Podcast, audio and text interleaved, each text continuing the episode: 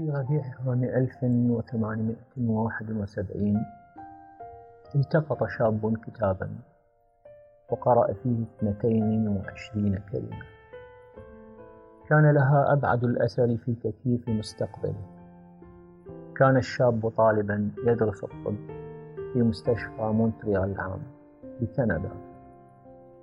وحين أوشك على دخول الامتحان النهائي ساوره القلق على مستقبله.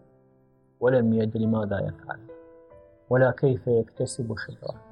ولا كيف يكسب رزقه فيما لو تخرج لكنه بفضل هذه الكلمات الاثنتين والعشرين التي قرأها أصبح أشهر طبيب في جيله وهو الذي أسس مدرسة جونز هوبكنز للطب ذات الشهرة العالية وتربع زمنا على كرسي الأستاذية في الطب.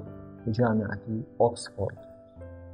وأنعم عليه ملك إنجلترا بلقب سير وحين توفي نشرت سيرة حياته في مجلدين كبيرين من 1466 صفحة. ذلك هو سير أوسلر وهذه الكلمات الاثنتان والعشرون التي قرأها في ربيع عام 1871 في كتاب للأديب الإنجليزي الكبير توماس كارلايل. أعانته على أن يبدأ حياة جديدة ناجحة لا يشوبها القلق. هي ليس علينا أن نتطلع إلى هدف يلوح لنا ضاهكا على البعد وإنما علينا أن ننجز ما بين أيدينا من عمل واضح بين. وانقضت على تخرج طالب الطب 42 سنة.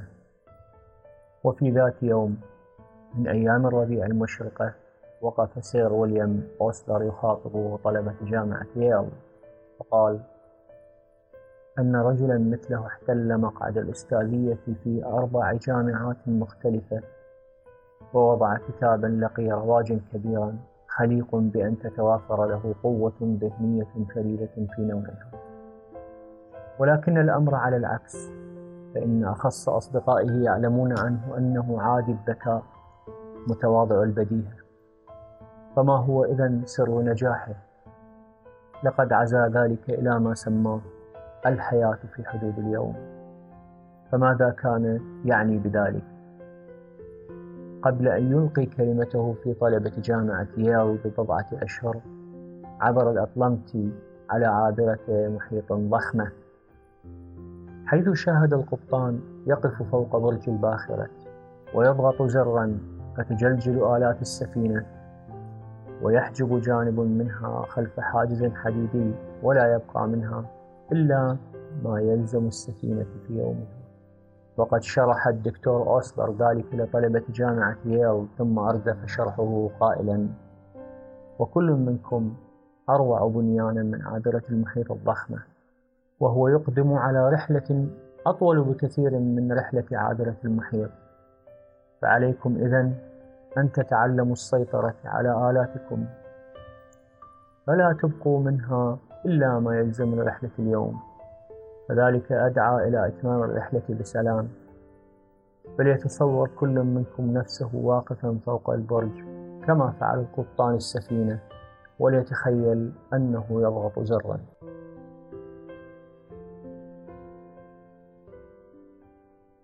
فيسمع صوت الأبواب الحديدية وهي تغلق على الماضي الماضي الذي لم يعد له وجود ثم ليضغط زرا آخر فتسدل ستائر حديدية على المستقبل المستقبل الذي لم يولد بعد.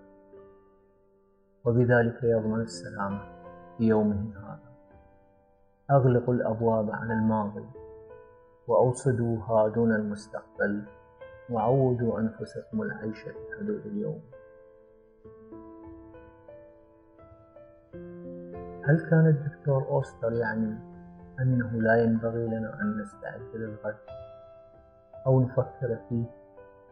كلا فقد مضى في خطته تلك فقال إن أفضل الطرق للاستعداد للغد هي أن تركز في ذكائك وحماسك في إنهاء عمل اليوم على أحسن ما يكون. هذا هو الطريق الوحيد الذي نستعد به للقتل.